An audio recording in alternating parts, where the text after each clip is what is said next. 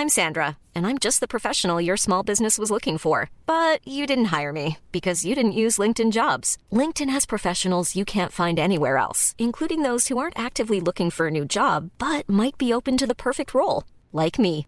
In a given month, over 70% of LinkedIn users don't visit other leading job sites. So if you're not looking on LinkedIn, you'll miss out on great candidates like Sandra. Start hiring professionals like a professional. Post your free job on linkedin.com/people today. Quality sleep is essential. That's why the Sleep Number Smart Bed is designed for your ever evolving sleep needs. Need a bed that's firmer or softer on either side? Helps you sleep at a comfortable temperature? Sleep Number Smart Beds let you individualize your comfort so you sleep better together. JD Power ranks Sleep Number number 1 in customer satisfaction with mattresses purchased in-store. And now, save 50% on the Sleep Number limited edition Smart Bed for a limited time. For JD Power 2023 award information, visit jdpower.com/awards. Only at a Sleep Number store or sleepnumber.com. Hey, it's Ryan Reynolds, and I'm here with Keith, co star of my upcoming film, If, only in theaters, May 17th. Do you want to tell people the big news?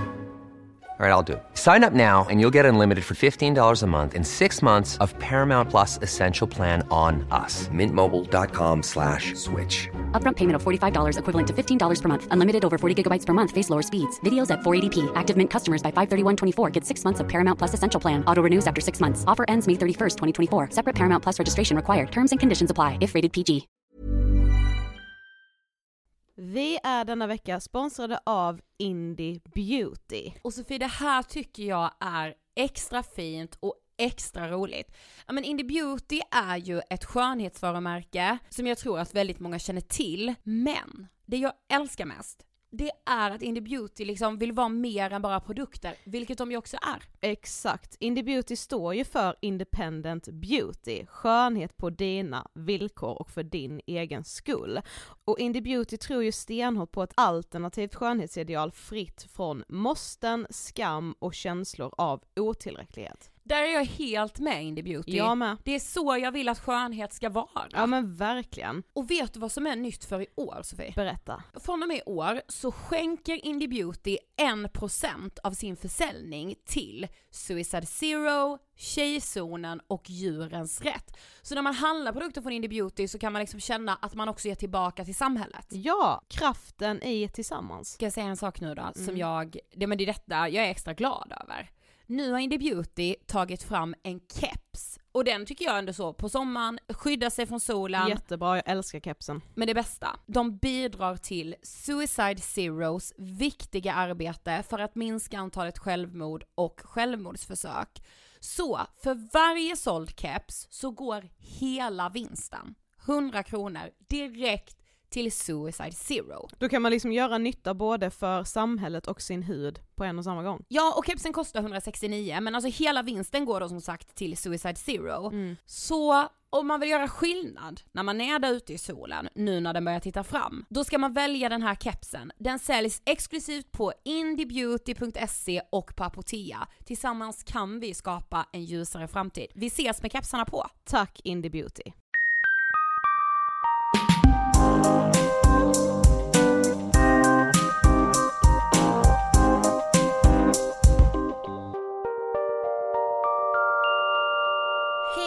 allihopa och varmt välkomna till avsnitt 178 av Ångestpodden! Hey! Känner du fotbolls-VM i mig? Det är det. Så vi, vi ska ha barn. Yes! Vi ska ju det. Kanske. Skulle man kunna tro. Vi kanske någon gång ska ha det. Ja, och då är jag väldigt glad för det här, att jag kommer ha det här avsnittet och gå tillbaka till det känns väldigt, väldigt tryggt. Ja. Kul så min kille ser det avsnittet och bara ska vi? Han bara tror kanske att det är, förlåt Emil om du lyssnar på det här att jag skulle komma med en överraskning. Men då hade det Gissa. stått Ida ska ha barn. Det är sant. Vi är ju ändå två Du olika jag. personer. Som att du och jag skulle skaffa barn tillsammans. Yes. Kanske. Mm. Kommer ske. Eh, men innan vi kastar oss över avsnittet så tänkte jag liksom bara att vi skulle få en lägesuppdatering från Sofie Hallbergs liv. Ja. Eh, då, jag gick faktiskt och tänkte häromdagen att så här. Eh, det är okej, men det är ju också bra. Sant. Fattar du vad jag menar? Alltså Ja. så här, nej jag har inte gått runt och bara wow, fan vad bra jag mår, men inte heller så piss. Nej. Men det har varit något mellanting, men så här, det är så livet är typ. Ja. Så då är det väl ändå liksom, okej okay, är ju också bra. Men jag har typ så här senaste tiden gjort ganska mycket analyser av mig själv. Tror du skulle säga av dig? Nej, men gud nej, men det, det kommer räcker säkert. det. Jag kan ha en fas till när jag analyserar dig. Nej, Mm. av mig i form av att så här, alltså du vet, jag har liksom gått till sidorna hos mig som jag inte tycker om. Okej. Men istället för att på något sätt så här blamea mig själv för, för det så har jag försökt tänka så här. Varför, alltså varför har jag dem? Ja. Vad är det som driver mig i det här sjuka? Allt ifrån avundsjuka, svartsjuka, bekräftelsebehov, eh, också mycket så här missundsamhet.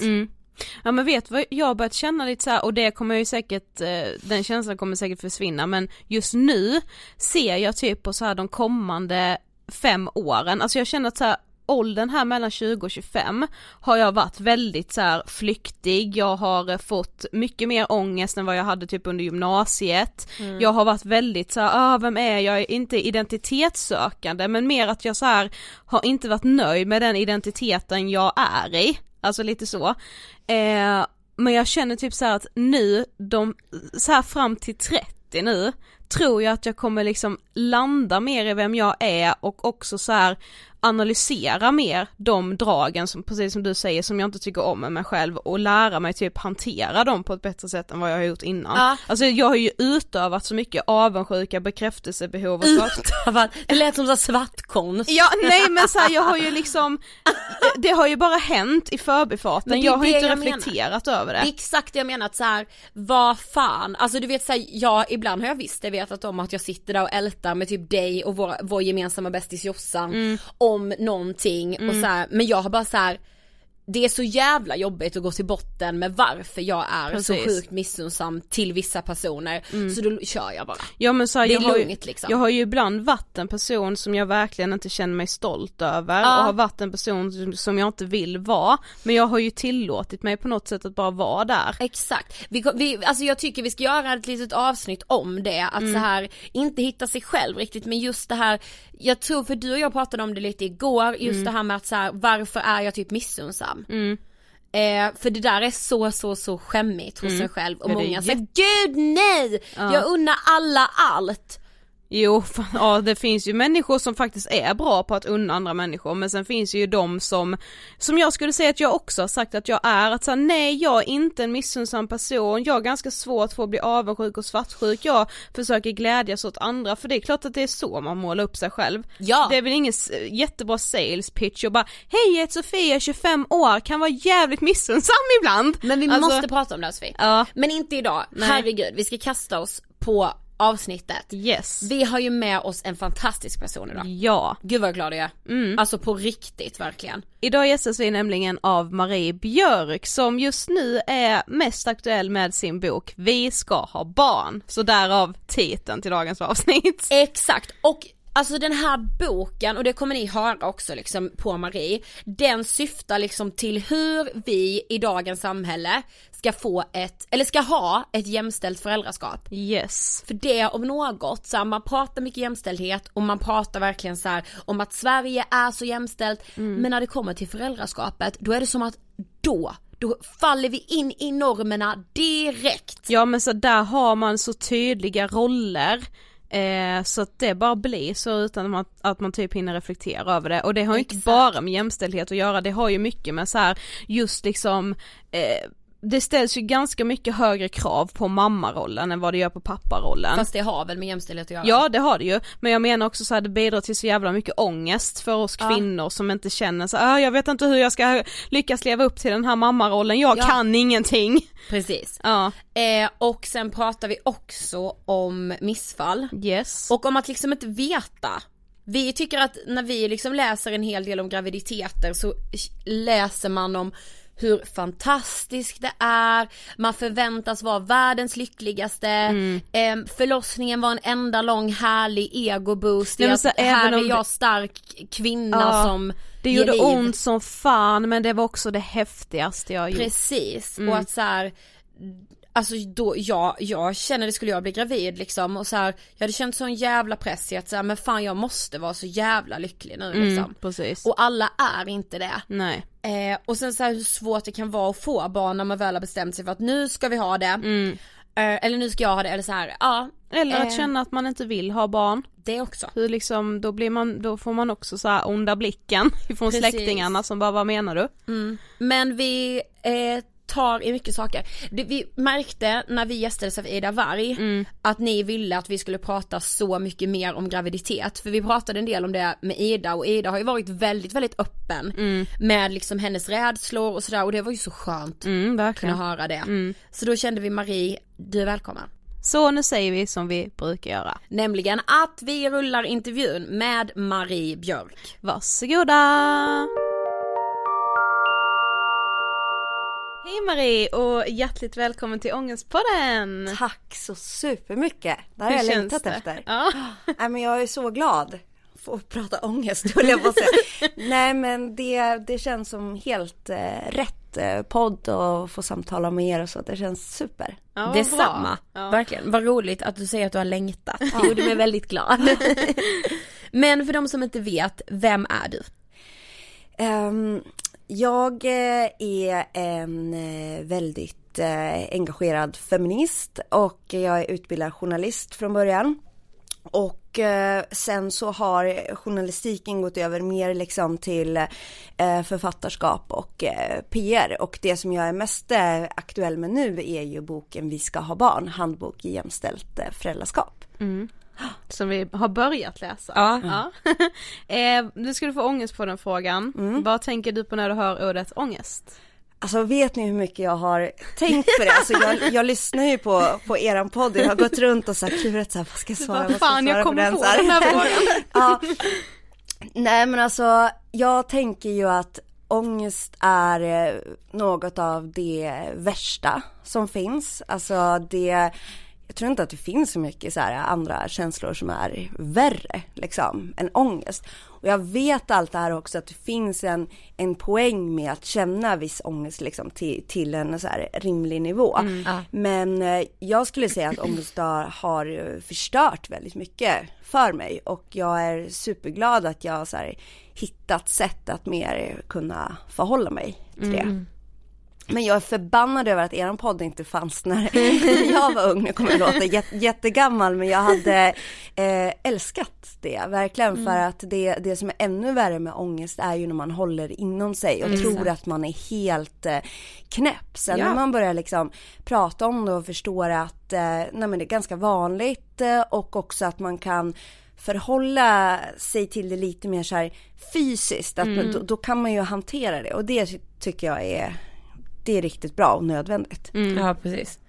Ja men grejen var så här när vi liksom fick din bok och när vi började läsa den, eller alltså det räckte typ med att vi läste titeln och liksom baksidan så väcktes det så mycket frågor för oss. Vi blev så här, gud vilken ände ska vi börja i, vi vill prata om det här, allt i boken typ. Men det vi tänkte först, liksom där vi ville börja någonstans, det är ändå det här med att så här, men man säger så här, åh Sverige är ett av världens mest jämställda länder, vi har det så bra och då tänker man väl i det att så här, föräldraskapet är också jämställt som att det bara kommer på köpet på något sätt. Men alltså du skriver ju det att så här, när vi blir föräldrar så faller vi så himla lätt in i de här liksom, ja men stereotypa könsrollerna. Mm. Vi vill liksom börja där, kan du berätta Ja. om det? Ja, nej men alltså det, det är faktiskt speciellt med föräldraskapet för att alltså på sätt och vis så det går ju liksom inte att, att ta föräldraskapet från liksom så här, samhället och den tid vi lever i, alltså som att det skulle vara liksom som en egen separat grej, för det hänger ju ihop. Men samtidigt kan jag bli förvånad över att just när det kommer till föräldraskapet så är det som att det finns en en acceptans att då så behöver vi inte bete oss särskilt jämställt. A- Att just Sverige som uttalat har den inställningen att vi ska vara jämställda. Eh, på jobb har man ofta den liksom så här, man kan skryta lite med den värdegrunden att vi ska stå upp för liksom att vara jämställda. Men sen så accepterar man att så här, när det gäller ens anställda att ja men om det är en kvinna som blir eh, vänta barn, ja då, då kan hon vara borta liksom ett, två år. Är det en manlig anställd, nej då förväntar vi oss att han bara ska fortsätta jobba som om ingenting har hänt. Och så tänker man inte på att det här är väl liksom, det är inte jämställt på en fläck, men Nej. då är det ingen som liksom så här, ja, försöker göra något åt det. Och det förvånar mig väldigt mycket. Så, så där tycker jag verkligen att samhället ligger efter att där får man fan rycka upp sig och skaffa lagar, regler, rutiner så att man faktiskt hjälper människor. För det är inte helt lätt att bara så här, gå emot strömmen och framförallt inte gå emot liksom arbetsgivare, kollegor, hela liksom, ja, de eh, bitarna. Så då, då tycker jag faktiskt att man måste liksom så här steppa upp lite rent så här lagligt. Ehm, men sen tror jag en del också som gör att, att just föräldraskapet blir lite så här skevt, det är ju det att ehm, när man är nybliven förälder så är man ju så förvirrad, man har ju inte koll, det spelar nästan ingen roll hur mycket man läser, alltså, Nej. man kan faktiskt inte förstå en sån här liten, liten varelse. Jag trodde ju typ att jag hade koll för att jag hade så här jobbat på förskola lite och sådär, så inser jag bara, mm, barnen på förskola, alltså det liknar ju inte ens den här lilla grodynglet liksom, som man håller så. Och det gör ju att man kanske då lyssnar på de som gjort det förut och har man en nära relation till sina föräldrar så kanske det blir de första. Mm, och då kan man ju tänka så här, det kanske var 20-30 år sedan eh, de här föräldrarna skaffade barn. Förstår ni hur mycket som har hänt i jämställdheten? Och då när man är sådär skör, då kan det räcka liksom med en kommentar så här bara Va? Men eh, ska du Anna eh, börja jobba nu? Alltså kommer det från, från en mamma, farmor, mormor, alltså sådär som man kanske litar på. Då, då kan det bli ganska svårt, jaha nej men det kanske jag borde göra eller så här, va? Ska du inte amma? Hur, hur tänker du då? Det är ju det absolut viktigaste och så tänker Det är bandet på... mellan dig och ditt barn. Ja men precis och jag menar det är inte konstigt att eh, de som fick barn för 30 år sedan att de inte håller sig uppdaterade. Så jag menar synen på amning har ju förändrats otroligt Ja. mycket för varje år som går. Så därför så tror jag att man ska vara jäkligt eh, alltså noga med vilka man lyssnar på. För att och, och förstå det så här mamma, pappa, farmor, mormor, liksom farfar, de kan vara bäst i hela världen på så mycket. Men när det gäller jämställdhetsfrågor, liksom den aktuella liksom så här, forskningen gällande barn och föräldraskap, ja, förmodligen, hur underbara de än är så ligger de nog lite efter. Ja. För det är ganska naturligt att inte ha, hålla koll på det när man inte är liksom i småbarnsåren. Så. Exakt, Ja. ja. Ja det är så jäkla sant. Vi Ja. pratade om det senast igår. Ja, men precis. Att så här, ja men just när det kommer till så här hur man kanske ska uppfostra sitt barn och Ja. just föräldraskapet och så här. Ja man, man vill ju tänka att ens föräldrar är de som har rätt. men Exakt. ja. Och det tror de också, alltså det händer också något lite knäppt när man får barn, att man tror att man blir lite så specialist. Alltså så här, ja jag har ju gjort det här vet ni, Ja, så jag kan det här. exakt. Ja. Och det verkar som att den, den känslan släpper inte folk, även Nej. om de blir så här 40, 50, 60, 70, 80 så här, så här ja, jag har minsann Ja, uppfostrat ett barn. Så, och, och det är liksom, ja det har du, fast eh, för x antal år sedan var det också okej att slå sina barn. Ja. Det tycker vi inte heller är rimligt idag. Så att jag menar, det händer väldigt mycket så, så här, Ja. hitta era egna förebilder, moderna förebilder så Precis. tror jag det Mm. blir lättare. Ja. Men varför tror du att det är så många så här relationer som inte klarar av ett föräldraskap tillsammans? För det är ju väldigt många som faktiskt separerar, alltså i Ja. småbarnsåren eller när barnen har blivit lite äldre. Varför tror du att det är så? Alltså jag tror att det är för att eh, eh, man kanske inte innan förstår hur stor eh, alltså, skillnad det blir. Alltså det behöver inte bli, bli sämre, men framför allt under det första året så Alltså det, det blir som drastisk förändring. Och har man inte pratat igenom det innan och dessutom inte liksom är ett team.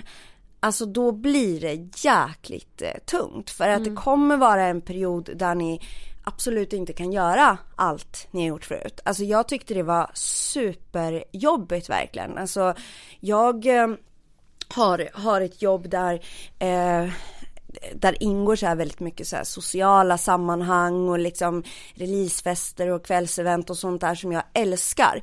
Eh, och plötsligt så blev ju det så här eh, en jättestor grej att så här, oj, om jag ska gå iväg och göra de sakerna, då måste jag ju säkerställa att Gabriel, som min sambo heter, att att han är hemma. D mm. Den grejen har inte vi behövt bestämma Nej. innan. Och det tror jag blir väldigt nytt eh, om man har varit eh, ganska så här självständiga i sin relation mm. och kanske också gjort extremt mycket saker ihop. Då blir det en enorm förändring. För om du springer iväg eller typ jobbar över eller bara spontant vill ta en AV eller bara oj jag snubblar på mina kompisar på stan. Då blir det någon annan som påverkas av det. Alltså mm. väldigt liksom markant. Då måste den vara hemma. Och har man inte snackat igenom det och, och verkligen tycker att så här, det här måste vi lösa tillsammans, att jag kan inte bara springa iväg utan att kolla med dig. Mm. Då, då är det klart att man blir bitter och förbannad mm. och att det skadar eh, relationen. Mm. Så där får man ju liksom så här, försöka hitta nya grejer, alltså det som var jobbigt också i vår relation var att jag, jag och Gabriel är också så här äh, världens bästisar och vi har väldigt så här äh, lika, eh, alltså en umgängeskrets som vi gärna liksom träffar tillsammans. Och det var ju också helt fruktansvärt i början innan vi kunde ta in barnvakt eller så. Mm och bara så här, nu eh, har eh, våra bästa vänner födelsedagsfest här så här, eh, vem av oss ska ja, gå? Ja. För det är inte alla tillfällen där det passar att ta med sig en unge, det är liksom inte schysst faktiskt för, för någon Nej. alla gånger. Precis. Och det bara så här, ha, ska vi liksom så här dra lott om vem som får gå så här, vi fick liksom hitta på ett slags rullande schema så här, ja men nu tog du den festen, då tar jag nästa så här.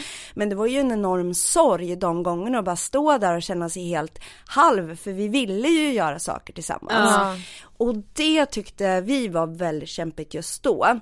Men det är så jävla viktigt att säga det också för ja. jag tror det är så många som skäms för att de tycker tycker att det är en sorg att inte kunna gå på den festen. För att vadå du ska väl vara över den grejen, du ska väl inte vilja gå på fest nu, du har ju liksom ett barn, du har ju fått något annat, alltså så här, jag tror det är så viktigt att våga säga att man tycker att det är skitjobbigt, ja. att man har låst sig liksom, sen att barnet ger en helt annan kärlek. Men alltså det är så viktigt att våga säga att man tycker att det är jobbigt. Ja, alltså jag kan säga att jag älskar allt som jag gjorde innan jag fick barn tycker mm. jag precis lika mycket om nu. Mm. Men det har ju blivit mindre. Men det är ju som så här, vad man än för in i sitt liv. Om du för in en ny hobby, jag ska mm. liksom inte likställa barn med hobby, men ändå alltså man kan ändå tänka så. För jag in någonting annat, man har bara x antal timmar liksom ja. per mm. dygn. Det är klart att det får bli mindre. Så och nu när vårt barn, hon fyller snart tre, nu kan vi ha barnvakt vilket hon också tycker är väldigt roligt. Mm. Och, och då blir det alltså så himla bra verkligen. Så mm. nu behöver vi ju inte det här, ja, dela upp oss utan nu väljer vi ju vilka så här tillfällen, ja men nu vill vi vara barnvakt då och, mm. och det ger ju supermycket för vår relation och eh, också så här att våga erkänna det för det det kände jag lite grann i början så här att jag skämdes för att jag inte tyckte det var lika kul att gå på fest utan Gabriel mm. våra kompisar. Då kan man också känna så här, ja men fan ska inte ni kunna göra något utan varandra? Bara, men jag är ledsen så här, vi, vi tycker verkligen att så här, ja jag tycker fasiken inte det finns någon människa som är roligare än Gabriel. Så det är klart att det känns jättekonstigt. Ja. Och jag kommer ihåg så här, första konserten som, som jag var på utan honom så, så var jag där med en kompis och så kom det några som vi inte känner så bra och så ja, var det ytterligare en ny person. Och så bara, åh här, är det ni som har fått barn? För ja, då var jag där med min kompis Henrik. Mm. Och det tog så jävla ont i min, alltså då bara kände jag så här, nej nu, nu har Gabriel verkligen bytts ut här. Nu börjar folk dessutom tro att det här är min barn. Jag bara gick in på toa och bara, nej jag vill inte ha det så här. Jag vill att vi ska vara ute tillsammans. Ja. Och det var så fruktansvärt, bara, nu är han uträknad liksom. Folk tror att så här, mina bästa kompisar är min liksom ja. man. Ja. Så sånt där kan man vara med om. Ja. Men, men något annat också som vi liksom så här, tänkte att många nog känner. Det var när du beskriver i boken att du så du hade alltid drömt om barn och du ville ha barn och så träffar du då liksom Gabriel och känner så men det här är mannen i mitt liv. Eller så du bara den här förälskelsen är mm. så så så stark. Det var så fint att läsa, jag älskar ju att läsa om kärlek ja. för övrigt. Men eh, att du liksom på något sätt kände så här, är det värt att skaffa mm. barn? Alltså ska jag så här offra hela vår relation? Alltså det tycker jag är så himla viktigt att prata om och Mm. det är också anledningen till att jag är så himla glad att få vara med i, i den här podden för att jag tycker att det är så viktigt att prata om de här sakerna och inte bara i så här föräldraforum. Mm. Alltså det här ska det pratas om i, alltså precis överallt för att jag tror inte jag har träffat en enda tjej, alltså någonsin i livet som inte har funderat på, på de här sakerna. Exakt. Och jag tycker man måste vara så här, man måste våga erkänna det att om man lever i en heterosexuell relation eh, och vill liksom som, som kvinna ha barn med en man, alltså då går man in med helt olika förutsättningar. Det är så att som kvinna, då ska du gå in liksom i så här, ha, det blir ett slags att liksom nästan offra sin kropp, alltså under graviditeten, under förlossningen. Det är en grej som inte din eh, eh, kille behöver gå igenom. Och sen då, om vi dessutom ska göra som de flesta gör, alltså inte lever särskilt jämställt, då offrar du också liksom din eh, karriär, din frihet, alltså enligt statistiken så tar ju kvinnor ut 80% av föräldraledigheten. Och det är inte bara föräldraledigheten utan den procenten blir också oftast det som man sen fortsätter ta hand om barnen. Alltså så det är sen resten av livet så tar du då som kvinna 80% och din kille då går in med så här 20% i ansvar för barnet. Det är, alltså det är en väldigt stor skillnad. Och det är klart att man tänker på det som, som kvinna om man verkligen så här ja, har som mål att, att leva jämställt. Det är klart man inte vill, vill hamna där och det tycker jag verkligen att man måste så här, prata om mer. Så, så det var absolut inget stor skräck för mig. Och um, jag har ju pratat med väldigt många när jag, när jag skrev boken och också så här innan. Så jag har ju verkligen haft det som en målgrupp. Alltså självklart så förstod jag att väldigt många så här blivande och nyblivna småbarnsföräldrar kom, kommer vilja läsa den här boken. Men eh, jag har också haft min vän Clara Henry lite som en så här målbild som är liksom 25 år och har verkligen så här Lika gammal som oss. Ja, och så vi, och vi delar liksom våra så här feministiska ehm, åsikter, eller jag tror fast hon är 24, ja skitsamma, Ja, hon, jo, hon men är typ är hon. såhär, hon, Hon är är 94, 24, ja. Ehm, men att vi delar liksom så här samma åsikter hon står där som jag stod liksom innan. Så jag har verkligen tänkt så här, vad skulle Klara behöva läsa? Så, så det har varit en väldigt bra liksom så här bild för mig. Och de liksom tjejerna som jag verkligen vill så här, hjälpa för, för jag tycker att så här, i Sverige idag så ska man inte behöva känna så att man liksom offrar allt. Det, det är inte okej att eh, ett par ska gå in i ett föräldraskap och killen liksom bara, ja, förväntas kunna fortsätta som vanligt och man som tjej ska vara fine med såhär bara, nej, och släpper allt genom sin dröm. exakt. Bara, Nej, det är inte okej. Nej. Nej. Men det känns också som att det finns väldigt tydliga liksom normer kring hur en mamma ska vara och hur en pappa ska vara. Det vet jag att vi pratade om liksom med Ida när hon också var här, Ida Warg, då pratade vi också om så här graviditet och så och att hon ju redan hade börjat få ganska mycket kommentarer om hur man ska vara som mamma från kanske andra mammor framförallt. Ja. Men hur tänker du kring de normerna? Ja, alltså det är ju definitivt olika. Alltså det är ju så olika som det bara går att bli och det är ju, det är absolut inte okej. Det, det är extremt omodernt. Eh, och eh, jag tog ju in en, en barnpsykolog, Malin Bergström, som är helt så här fantastisk, som fick faktagranska min bok. Och um, det var för att jag liksom inte ville att någon skulle komma och säga så här, det här med jämställdhet, det är det värsta för barnen, så här, hur kan du göra något så här fruktansvärt? Att så här, nej, ni ska inte kunna komma med den kritiken, tack.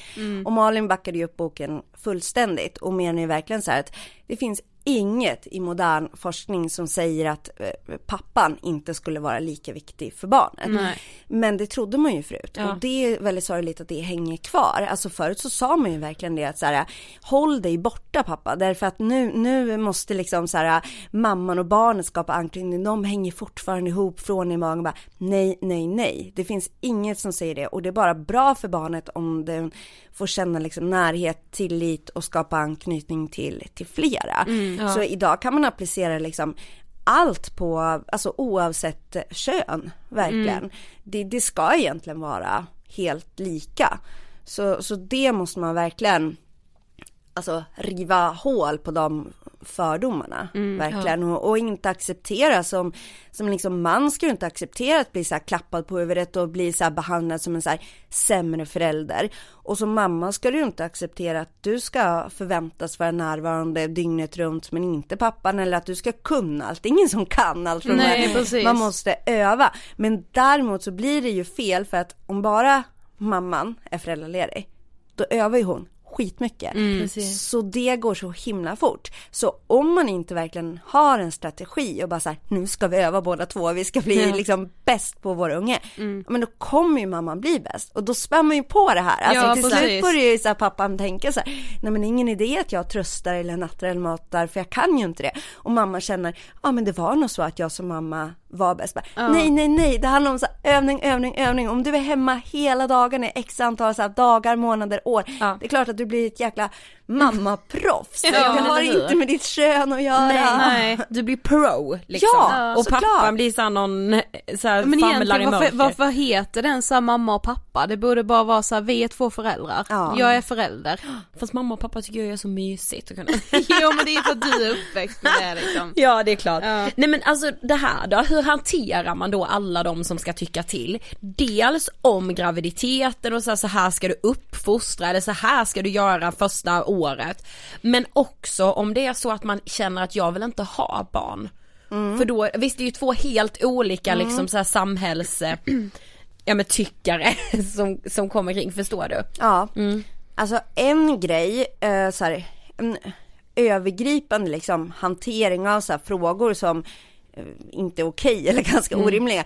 Det är ju faktiskt att så här, ställa en motfråga. Och För, för då tror jag de här personerna vaknar till att bara så här, varför undrar du det? Eller hur- hur kommer det sig att du ställer den här frågan? Och om man tar det här då, eh, om att så här, vilja ha barn, det ställer man ju oftast inte till, till eh, liksom en kille.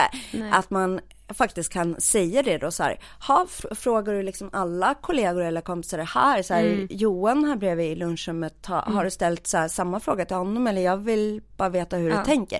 Att man faktiskt tar det vidare så, för då, då tror jag att man väcker liksom så här det absurda i den frågan. Så det funkar ganska mycket så här, försöka så här komma till roten med så här, det är du som ställer den här frågan som uppenbarligen har ett problem. Och vad är det för åsikter och liksom tankar som gör att du faktiskt frågar det här. Men sen så tänker jag att för att man inte ska känna att att det verkligen blir jobbigt och att man blir helt så förvirrad av de här frågorna. Så tror jag att det är jättebra att man har klurat på det väldigt mycket själv. Och har pratat med åtminstone den som man ska skaffa barn med så man känner att man liksom har byggt en så här stabil grund. För att då kan man ju faktiskt ge svar på tal mycket Precis. lättare. Eh, och bara ja du får tycka så men det här är ett medvetet val. Som någon kritiserar och säger så här Ja men gud, ska du börja jobba efter tre månader? Och bara, förmodligen så den personen är nog inte särskilt påläst och kanske inte alls har, tänkt igenom utan någon kanske bara gjorde föräldraledighet lite som statistiken, bara Ja, så här blev som det precis. blev. Då tror jag att den personen blir ganska chockad om man säger så här, nej men alltså för oss är det väldigt viktigt att vara två närvarande föräldrar, vi lever i en jämställd relation och jag som kvinna känner inte att jag kan ta ifrån det här föräldraskapet från min kille, han har lika rätt att, att få vara pappa, så därför så här. Var det någon mer undrare? Alltså det blir ganska jobbigt att vara den som frågar. Exakt, Faktiskt. Men den här bilden då av att liksom kvinnan på grund av sitt kön skulle vara liksom bättre i föräldraskapet, tror du att det skapar liksom ännu mer press och ångest som det faktiskt kan innebära Ja. att bli gravid och hur mådde du i din graviditet? alltså, så här, min, alltså jag kan säga så här att den, så här, ångest och eh, alltså psykiska liksom, alltså dåligt mående som jag kände både under graviditeten och eh, eh, precis i så här början när jag hade fått barnet. Det är både det så här, det värsta och det bästa som har hänt mig faktiskt. Eh, det bästa för att jag eh, faktiskt så här, I'm Sandra, and I'm just the professional your small business was looking for. But you didn't hire me because you didn't use LinkedIn jobs. LinkedIn has professionals you can't find anywhere else, including those who aren't actively looking for a new job but might be open to the perfect role, like me. In a given month, over 70% of LinkedIn users don't visit other leading job sites. So if you're not looking on LinkedIn, you'll miss out on great candidates like Sandra. Start hiring professionals like a professional. Post your free job on linkedin.com/people today. Life is full of awesome what ifs, and some not so much, like unexpected medical costs. That's why United Healthcare provides Health Protector Guard fixed indemnity insurance plans to supplement your primary plan and help manage out of pocket costs. Learn more at uh1.com. Quality sleep is essential. That's why the Sleep Number Smart Bed is designed for your ever evolving sleep needs. Need a bed that's firmer or softer on either side? Helps you sleep at a comfortable temperature? Sleep Number Smart Beds let you individualize your comfort so you sleep better together. JD Power ranks Sleep Number number 1 in customer satisfaction with mattresses purchased in-store. And now, save 50% on the Sleep Number limited edition Smart Bed for a limited time. For JD Power 2023 award information, visit jdpower.com/awards. Only at a Sleep Number store or sleepnumber.com. jag på riktigt då så här äntligen tog tag i det. Men alltså under graviditeten så fick jag verkligen känna på det som ni så brinner mycket för nu så här, var är min kurator? Alltså Ja. så här, det, visst då riktar ni er liksom så här till skolan mer. Men jag kan säga att den frågan ställde jag mig väldigt mycket under graviditeten och blev väldigt förvånad och besviken. För att jag trodde att när jag skrev in mig på barnmorskemottagningen då hade jag en slags bild av att så här, vad som än händer mig nu under den här tiden så finns det väl liksom en stab, alltså det finns väl någonting som liksom så här kommer hjälpa mig Ja. i det här. Och därför så blev jag så otroligt ledsen och besviken och, och frustrerad och ja, till slut också väldigt så här deprimerad när jag mådde psykiskt dåligt. Ehm, vilket var för att jag fick eh, foglossning som är otroligt smärtsamt. Det gör liksom att man inte eh, kan gå eller liksom röra sig och också för min del att det gjorde väldigt, väldigt, väldigt ont. Eh, och vi bodde då i en lägenhet med så här fyra trappor upp utan hiss. Åh, så, gud. så, Ja, ja, ja, så Ja. jag blev ju så här äh, instängd, alltså så här isolerad. Och isolering är också en av de värsta sakerna som kan hända liksom för så här depression. Mm. Och jag är också en person som, jag mår väldigt bra av att så här röra mig, att vara liksom så här aktiv och, och energisk. Jag mår väldigt bra av det. Mm. Så när jag då liksom bara hade fått så här ligga ner, alltså där i sängen och bara kände så här, okej ska jag bara vänta här, alltså ligga ner nu och bara vänta ut här nio månader. Alltså jag mådde ju så dåligt så jag visste inte vad jag skulle ta vägen. Jag ringer då till, till en eh, psykolog som jag hade träffat när, när jag fick missfall och som var väldigt, väldigt bra. Och tänkte så här, gud hon kan också lite min historia så här, det kommer vara så bra. Så bara svarar hon bara, nej, nej Sara, du får inte komma till mig för nu, nu tillhör du inte mig. Alltså nu, nu har du inte missfall utan nu är du ju så här gravid. Så bara, "Ha, okej, så här, tyvärr fel liksom så här avdelning. Eh, ringde till, till barnmorskan och fick träffa oss bara, snälla, snälla så här, ni måste hjälpa mig. Eh, bara, nej alltså det kan vi inte göra utan du får ställa dig så här, du får gå till din vanliga vårdcentral. Och då blev jag också så förvånad bara, va? Varför ska inte ni ha liksom en så här psykolog eller kurator Det ansluten känns till er? så självklart. Ja, men Ja. nej, icke. Eh, ringde jag till vårdcentralen bara, ja, alltså vi har ju så här tre månaders kö och det finns ingen chans att du kommer få träffa någon innan. Och då var det nästan så här, alltså då skulle jag ju typ föda. Ja.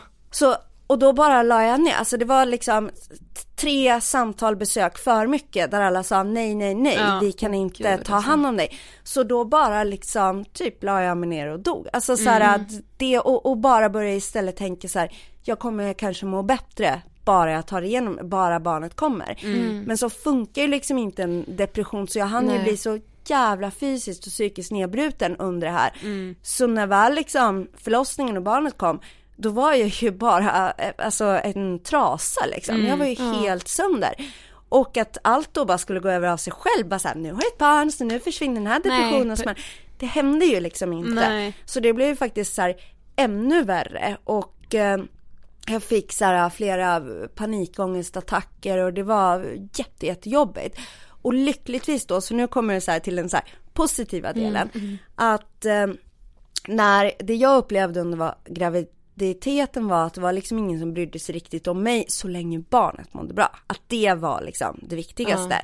Och tyvärr så blir ju det problematiskt för nu vet man ju också att, att barnet faktiskt kan påverkas också om mamman är deprimerad. Precis. Så nu har man börjat så här, faktiskt vara lite noggrannare men det var de inte med mig. Nej. Men i alla fall då när jag väl då hade kommit in liksom ingick i så här BVC som man hamnar i när man har barnet. Då bryr de sig om barnet. Mm. Och då var det som att så här, då blev min psykiska hälsa viktig. Inte för att jag skulle må bra, så här. Marie var fortfarande inte viktig. Men barnet kunde ju påverkas Ah, av en så här deprimerad mamma som får panikångestattacker. Det är ju Precis. såklart inte bra för barnet. Så då jävlar satte de in allt liksom. Så jag Ja. fick så här, de kallar det så här snabbspårsprogram. Så jag fick gå före liksom alla i kön och fick plötsligt liksom en hel uppsättning med, med hjälp. Och eh, fick också medicin, sertralin. Vilket eh, var typ det bästa som, som kunde hända för att jag faktiskt så här, snabbt skulle få en ärlig chans och, eh, och komma på banan. Eh, och jag äter fortfarande det och känner liksom så här att eh, eh, nej, det, jag ser det nästan lite som att jag har diabetes, alltså att nej men min kropp behöver uppenbarligen det för att må bra.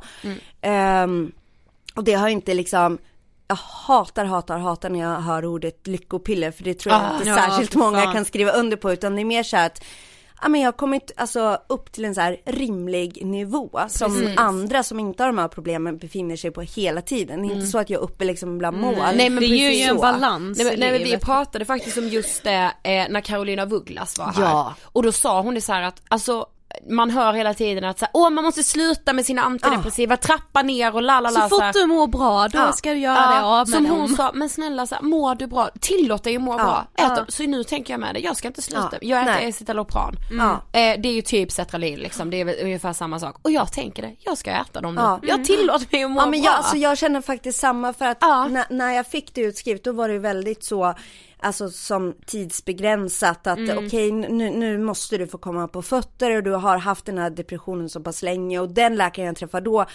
var en kvinna, förmodligen väldigt så här feministisk och påläst för hon var så Mm. jäkla bra. Och hon förstod ju det så här, nu har du mått dåligt så länge så det här, det, det nu måste vi så här skjuta in diverse Ja. för att du stackars dig ska få Mm. liksom komma på fötterna. Och då tänkte jag också så här, ja gud vad bra, nu, nu tar vi det som en så här vitamininjektion, nästan så här bara, nu skjuter vi upp mig liksom ovanför ytan. Så jag hade ju också så här tanke att det är klart jag ska sluta så här väldigt snabbt. Precis. Eh, och vad som också låg och spökade i mitt huvud var ju då att om jag vill bli gravid igen, då tänkte jag så här, åh paniken så här, jag måste så här kunna sluta innan dess. Men icke. Eh, och det här är jäkligt bra och jag är så glad att jag har fått med det i boken. Ja. Eh, för att nej, du behöver inte alls göra det. Alltså de här SSRI-preparaten, de får du äta under graviditeten. Men det säger man inte rakt ut. Så jag vet så många kvinnor som blir gravida och som man går in i det här att man vill göra allt för sitt barn och Ja. man vill liksom inte, alltså du vet riska någonting att man ska skada fostret. Så då slutar man med eh, diverse och jag blir så ledsen för att det skulle man inte säga till någon annan person. Att Nej. bara säga, ja men lägg av med din ADHD-medicin eller din antidepressiv. Det vet man att det är skitfarligt att bara sluta med det. Ja. Men det ska en gravid förväntas göra. Alltså Ja. det, är- det, ja, det är så fruktansvärt och då tycker inte jag att man behandlar gravida som människor. Alltså så här, har man ett sånt resonemang, då behandlar man kvinnor som en så slags förvaringsbox, Ja, alltså för precis. ett barn. Och det är så här, så inte okej. Men jag gjorde ju en sån forskning på det för att jag kände att jag ville ha så här papper om jag ska bli gravid igen. Då vill jag ha ett papper där liksom en överläkare säger att det här är fine. Så jag krävde att eh, eh, få en utredning på det och fick då liksom så här skickat via läkare till en överläkare och psykiatriker som har skrivit så här Enligt den forskning vi har idag så finns det, alltså är det absolut inte farligt varken dig eller fostret att fortsätta äta. Och jag är ju inte gravid nu, men bara så här veta att jag har det precis, pappret, precis. det skapar så, så lugn och att jag tänker så här, ja men kanske faktiskt att om jag blir gravid igen så kanske den graviditeten kommer bli bättre tack vare att jag då har serotoninet så, som hjälper också om jag skulle få lika mycket smärta och liksom Exakt. sjukskrivning och så. Ja. Fy, jag känner bara såhär, ja. puls bara går upp så himla mycket för det här är ett jämställdhetsproblem, problem verkligen. Verkligen. Så här, att ta ifrån kvinnor sin psykiska hälsa, Ja, alltså ja. på grund av en graviditet. Nej, alltså vi måste komma längre. Jag gick ju Verkligen. igång som attan bara nu nyligen kom det ut så här, ja eventuellt så är det farligt att äta Alvedon eh, under Ja. graviditeten. Ja. Men de vet inte det. Det är en pytte, Nej. pytte, pytteliten så här forskning och det finns inget understöd för att de ska kunna gå ut med riktlinjer och säga nej. Men ändå bara, ja vi vill ändå rekommendera er att inte äta i onödan. Vadå onödan? Alltså jag tror inte att någon gravid tar något i onödan. Nej. Nej. Vill man ta det så här för att man har så inte. jävla ont. Ja. Om ni ska förbjuda det, fixa något då som funkar. Ja. Ni kan inte Exakt. behandla oss som en box. Nej, Nej, verkligen så inte. sant. Så sant. Men sen har vi ju också det här då med att så här, man har bestämt sig, vi ska bli gravida. Eh, och ja men mm, då känns det ju som att så här, nu är det schemalagt sex, nu ska vi liksom, nu måste det här gå. Och ja men så här, tittar man sociala medier så ser det ju alltid ut som att så här, första försöket, nu är vi gravida, yay!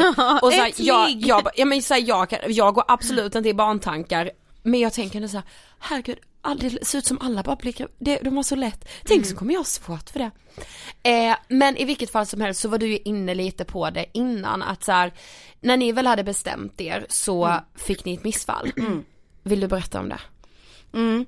Alltså, och det var återigen en sån sak som gör att jag verkligen känner att så här, man måste prata om det som är jobbigt. Och det har någonstans varit grunden i så här hela boken liksom när jag skrev den, att jag tänker inte ducka för det som är svårt. För Nej. jag tror verkligen att Alltså man snarare hjälper personer om man pratar om det som är jobbigt. Jag tror Precis. inte man skrämmer utan jag, jag tror att man hjälper. Men jag visste ju inte hur vanligt det var. Alltså en av fem graviditeter leder till missfall. Alltså hade jag vetat det, förstår ni? Ja men jag har ser. ingen aning Nej, nej. Alltså vet man det, då tror inte jag att man blir lika, lika ledsen och känner det här så här, det är nog fel på mig och nu är Exakt. mina chanser helt Ja men förstörda. jag inser bara hur många man måste veta om eller känna som förmodligen har fått ett missfall innan Ja. de blir gravida men man har inte haft en aning så man har inte kunnat finnas där och trösta och hjälpa till och säga hur vanligt det är för man har ju själv inte vetat. Nej. Alltså det är så jävla sjukt. Det blir Ja. ju, jag känner ju bara själv att så här, jag tror att jag hade reagerat med att jag kände en skam Mm. för att få ett missfall för att så här, då har jag gjort något fel. Jag har liksom ätit fel eller jag har gjort, alltså jag har gjort någonting som har påverkat fostret liksom. Så hade jag typ tänkt för att jag vet så lite om det. Men alltså om ni frågar, alltså alla ni känner som har barn, Mm. alltså ska, kan jag ge mig 17 på att bakom varje barn så ligger det minst ett missfall. Alltså det är nästan så. Verkligen, så vanligt är det. Men det pratar man inte om. Nej. För att man har den här grejen att man, man går bara ut och berättar om graviditeten efter liksom vecka 12 när Precis. missfallsrisken har liksom försvunnit.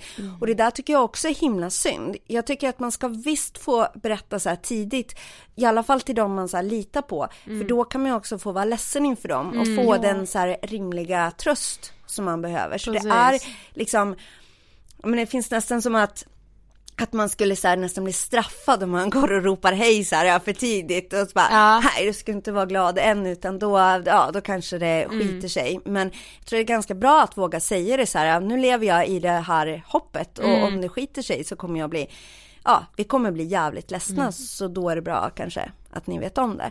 Nej men alltså för, för oss så, alltså det som hände var ju, alltså dels blev vi ju otroligt eh, förkrossade, alltså såklart för att vi vi var så, så här, naivt peppade och, och ja, kände faktiskt inte till hur, hur vanligt det var. Så att eh, vi blev ju otroligt ledsna båda två.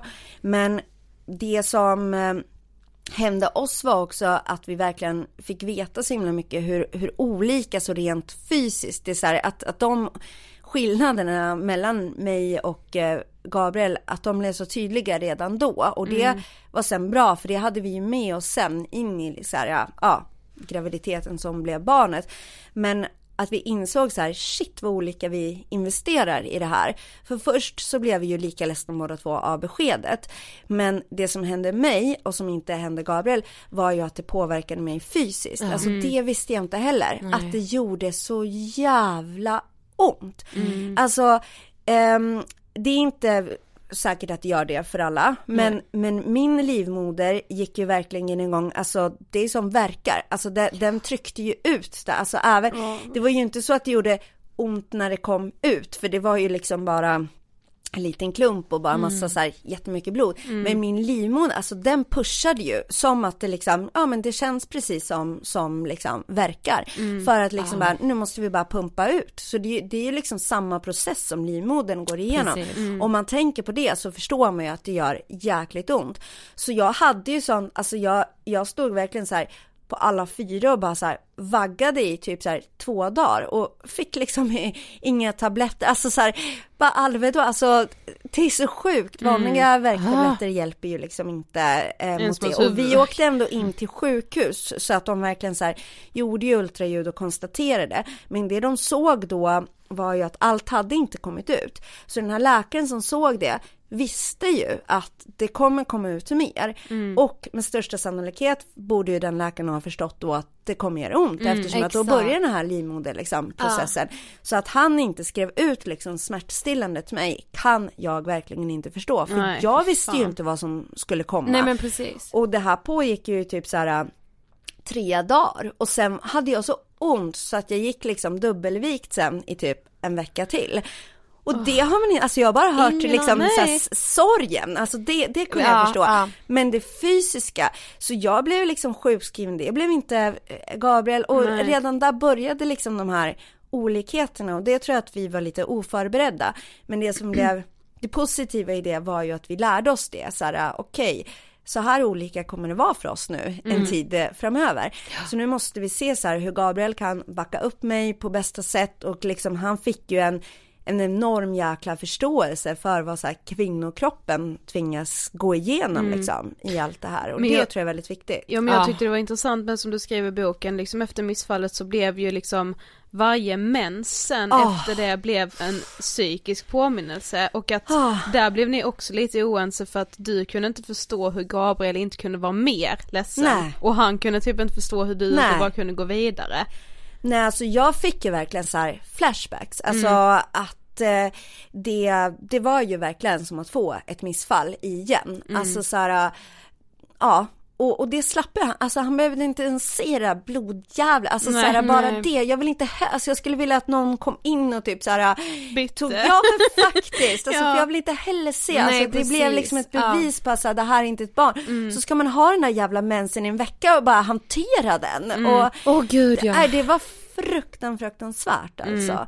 Eh, och det gjorde ju liksom att vi kom lite så här i ofas för att han fick ju inte den liksom ständiga påminnelsen Nej, och, och ja, så jag tror att ju svårare det är eller liksom missfall och sådana saker så, så tror jag att det är jätteviktigt att att förstå det, att man har olika förutsättningar.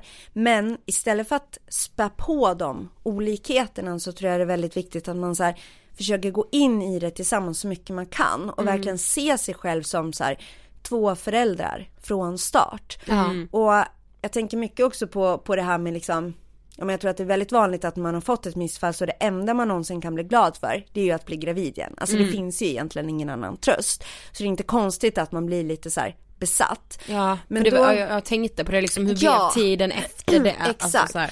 Men då tror jag också att det är väldigt viktigt och det är ju så här oavsett om man har fått ett missfall att man också går in i det tillsammans. Eh, det här med alltså att hålla koll på ägglossningen för det är ju trots allt ganska få dagar i en menscykel som man ens kan bli gravid. Att, att man gör det också tillsammans. Alltså det finns ju så här appar som gör att man kan hålla koll på liksom när man har sina så här fertilitetsdagar.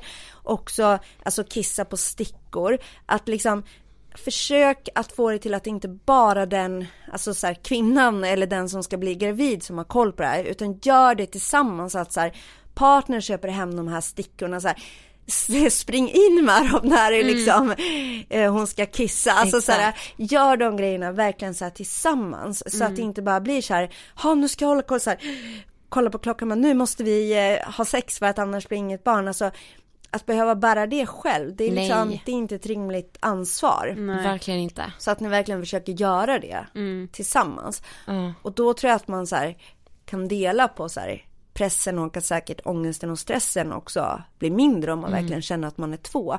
För annars så tror jag att risken finns att man redan där så här börjar glida isär och bara så här okej, vi går inte alls igenom samma resa tillsammans. Så att även om ni gör olika saker så försök liksom att så här, mötas, även om kropparna har så här fysiska olika så här förutsättningar så ja men ni behöver inte göra exakt samma sak men ni kan ändå göra samma liksom procentuella insats Exakt. för att det ska bli ett barn. Precis. Men jag tänker också, det vi pratade om det att det känns som att så här graviditeter oftast målas upp som så här, åh min underbara graviditet eller bara förlossningen var det coolaste jag har gjort i hela mitt liv.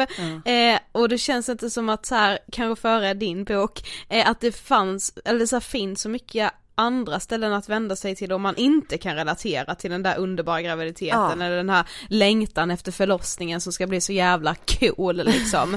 Alltså hur var det för dig?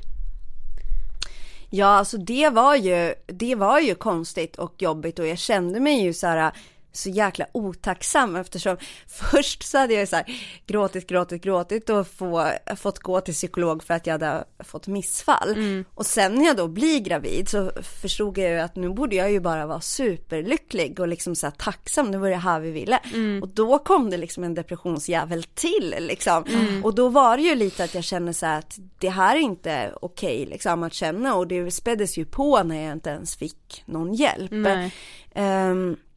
Så där känner jag mig faktiskt väldigt, väldigt ensam och jag känner också så här, jag hade nog inte riktigt klart för mig bilden av den gravida att nästan det, det perfekta är att man ska bete sig som att ingenting har hänt. Att man ska liksom storma fram på jobbet, man ska röra sig obehindrat, ja. gärna högklackat. Alltså att det, ja, men lite sådär, jag går inte ens i högklackat liksom vanligt fall. Och jag gick liksom som en så här flod, alltså jag kunde inte ens gå. Och du vet, jag bara kände så här, jag är så fel, jag är så fel, jag är så dålig så här. Jag och min gravida kropp, vi får inte plats i det här samhället. Alltså vi ska inte finnas. I så här lunchrummet eh, på jobbet, där hade vi bara så här barstolar som man ska sitta. Jag kom inte ens upp på de där nej, jävla nej, barstolarna. nej. I konferensrummen, jag kunde inte ens sitta på de liksom stolarna. Eh, det var trappor utan hiss. Alltså det var bara så här. Nej men jag, jag, jag kan inte leva. Toaletterna var för smala så jag så fastnade mellan handfatet och så här toaletten. Var så här, nej och det är fan sjukt alltså. Ja. Så många som är gravida Ja. samtidigt. Och så är samhället inte ens gjort för den gravida kroppen. Nej. Precis. Det är så galet. Och då är det klart att man blir ledsen och känner sig så misslyckad om Ja, man då bara, precis. jaha här rullar jag fram och så här jag kan inte ens eh, ja, Och ingen annan bete har mig sagt- som man ska. Nej, eller hur? och ingen annan har sagt att det är jobbigt att vara Nej. gravid. Nej, eller hur. Men så här, alltså har du något, alltså några så här tips på om, alltså ganska så här konkret på om man känner, om man är gravid just nu och känner så här, det är för jävligt. Ja men så här, första är så här, erkänn det för dig själv, säg det högt och fatta att du kommer bli en jävligt bra förälder ändå. Du får tycka att det här har piss, eller liksom att det känns piss och det har ingenting att göra med, med liksom sen om du kommer bli en bra eller dålig förälder. Och så här, du som mår dåligt, du är som mest duktig. Alltså om du just den dagen pallar att borsta tänderna, då ska du fan få liksom en medalj. Det är inte den gravida som inte ens känner av det och kan liksom så springa ett maraton. Det är inte den personen som är duktig utan det är du som ligger där och liksom så här, ja, är glad om du kan gå och kissa. Du gör ett jäkla hästjobb, verkligen. Fy fan vad bra sagt. Så bra, ja. Så, så det tror jag är det första, att man bara så här fattar det och att det ser olika ut. Och när man väl då har liksom peppat upp sig själv och insett det, att man åtminstone pratar extremt mycket med, med den som man väntar barn med. Och sen så vågar så här flytta det längre och längre ut, alltså berätta för kollegor att så här, jag är ledsen men, men den här kontorstolen funkar inte. Eller de här möblerna liksom, det är inte okej. Har ni tänkt på, det kan ju finnas andra rörelsehindrade, det behöver inte vara gravida heller. Det är ju liksom ett sånt så här, samhälle där, där vi liksom ser bortom det, eller det som är avvikande. Och, och det är ju så här fruktansvärt på så många nivåer. Att man börjar ta upp det mer och mer. Då tror jag också att det är lättare att, att få hjälp och stöd av andra och jag tror också att det är så här mycket lättare att hantera det själv om man inte bara ja, håller det inom sig. Men sen också verkligen att man söker hjälp. Alltså eh, jag tror faktiskt att det är lite bättre än vad det var för, ja, för tre år sedan när jag var gravid. Det känns faktiskt som att det händer saker och också som, som Kry som ni jobbar med att man faktiskt kan få det, alltså just via telefon som kan ju underlätta supermycket Verkligen. om man inte orkar ta sig någonstans. Så absolut, sök och ju mer ni ser er själva liksom som ett team så är det också lättare att då kan den andra kliva in. För om du bara känner så här att ja, jag orkar inte ringa och be om hjälp. Nej men då får den andra göra det. Alltså då, då får du ta liksom din gravida partner och ditt blivande barn och bara så här bära in det till så här vårdcentralen och bara det här är det käraste jag har, hjälp oss för fan. Ja. Så att man liksom så här, ja, gör det ihop. Precis. Verkligen. Vi har kommit till sista frågan. Ja. Vad inspirerar dig? Ho. Alltså det, det är andra, andra människor som vågar stå upp för det de tror på och säga saker som är obekväma för att andra inte vågar säga det. Men att man liksom, man följer sitt hjärta och kör på det man tror på och vågar liksom stå upp för andra. För man är inte ensam. Om man sitter inne på något som man tycker är jäkligt jobbigt och knappt vågar säga. Så du kan ge dig fan på att väldigt många har känt samma sak. Så våga säga det du tror att du är ensam om. För då kommer det hjälpa både dig själv och alla andra. Och de som gör det, det är mina största inspirationskällor verkligen. Mm. Så rätt. Alltså jag har lärt mig så mycket i det här avsnittet. Jag med, även för jag liksom inte ska bli gravid inom den närmsta så Nej. känner jag mig ändå så här, jag känner att jag kommer själv kunna lyssna på det här avsnittet. Ja, när det väl är eller dags. hur? Gud vad bra. Ah, Tack så jättemycket. tack själva. Är du taggad nu då Sofie på att skaffa barn typ nu? Nej det är jag inte. Jag vill inte ha barn ännu. Men jag känner verkligen att, eh, nej men jag känner också att jag har en helt annan, alltså det har ju också med jämställdhet att göra, men jag tycker det är så jävla sjukt att man inte får lära sig mer om liksom kvinnokroppen och liksom risker med att bli typ gravid, hur svårt det kan vara att bli gravid. Det enda man typ får lära sig som så här i sexualkunskapen som inte har med liksom just sex att göra och att liksom skaffa barn så är det typ så här mens ska du ha var fjärde vecka. Du vet såhär man bara, jag, jag har aldrig haft så regelbunden mens, jag har inte så många kompisar som har mens var fjärde vecka där ko- det, bloddroppen kommer samma tid, samma datum varje månad, alltså så här, det är bara det man får veta, jag hade ingen aning om att det var så vanligt med missfall. Men det var precis det jag skulle säga att så här, vadå man har inte fått veta hur vanligt är med missfall. Nej, Hur många som får det, hur ofta det händer till Ja. andra kvinnor liksom, alltså Jag kan bara tänka mig in i den skammen jag hade känt om jag hade fått ett missfall för det Ja. blir ju så klart att man liksom blamear sig själv om man inte vet att det är så vanligt så bara såhär okej då har jag gjort något fel, jag har ätit något fel, jag har gjort någon fel rörelse, jag Mm. lever fel, alltså du vet så här, jag hade ju bara försökt hitta anledningar och bara, bara så här, nu måste jag förändra på någonting för att det inte ska hända igen. Mm. Men så här, det kan hända vem som helst. Men det är ju väldigt väldigt intressant det här Mm. med liksom Alltså hur ojämställt just föräldraskapet är. Mm. Sen, vet, alltså så här, Marie tyckte ju så här, åh vi måste lagstifta om det här och vi måste sådär. Mm. Vet inte om jag håller med för jag tycker liksom ändå att man ska få vara Alltså att man ska få bestämma själv Mm. i liksom familjerna hur man vill göra för alla kanske inte det passar.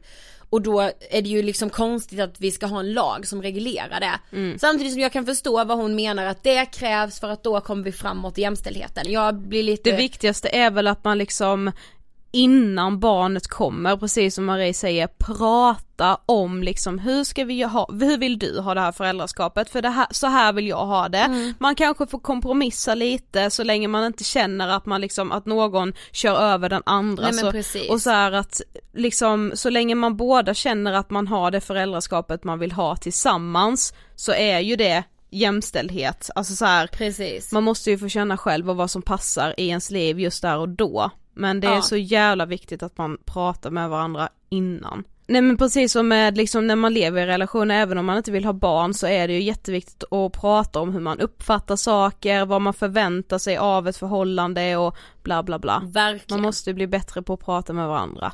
Ja. Kul att det är en stark egenskap hos moi. och inte hos mig. Jo det har Nej, det faktiskt jag blivit. tyck- så ska du inte säga. Är Jag säger ju det har det faktiskt Ja blivit. precis, jag tycker verkligen det. Mm. Du om någon är verkligen mycket mer det här nu tar tjuren vid hornen, nu pratar vi. Mm, ja. Jo, lite mer tjuren vid hornen än vad jag var innan. Jag är väldigt ärlig i alla fall. Alltså så här med vad jag känner, alltså Ja.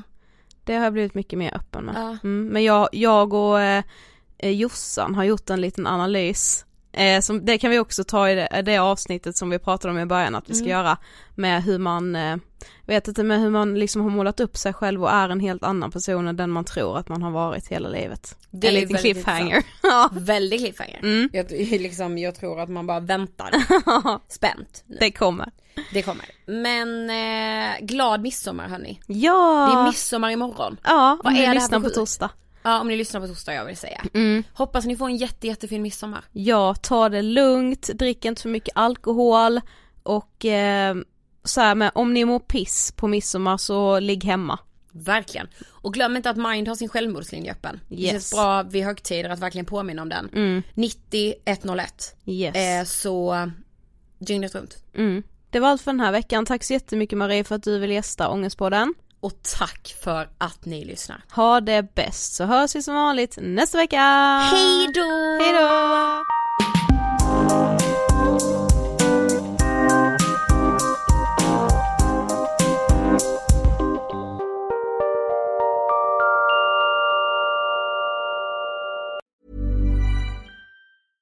Imagine the softest sheets you've ever felt. Now imagine them getting even softer over time. That's what you'll feel with Bowl and Branch's organic cotton sheets. In a recent customer survey, 96% replied that Bowl and Branch sheets get softer with every wash. Start getting your best night's sleep in these sheets that get softer and softer for years to come. Try their sheets with a 30-night guarantee. Plus, get 15% off your first order at bowlandbranch.com. BUTTERY. Exclusions apply. See site for details.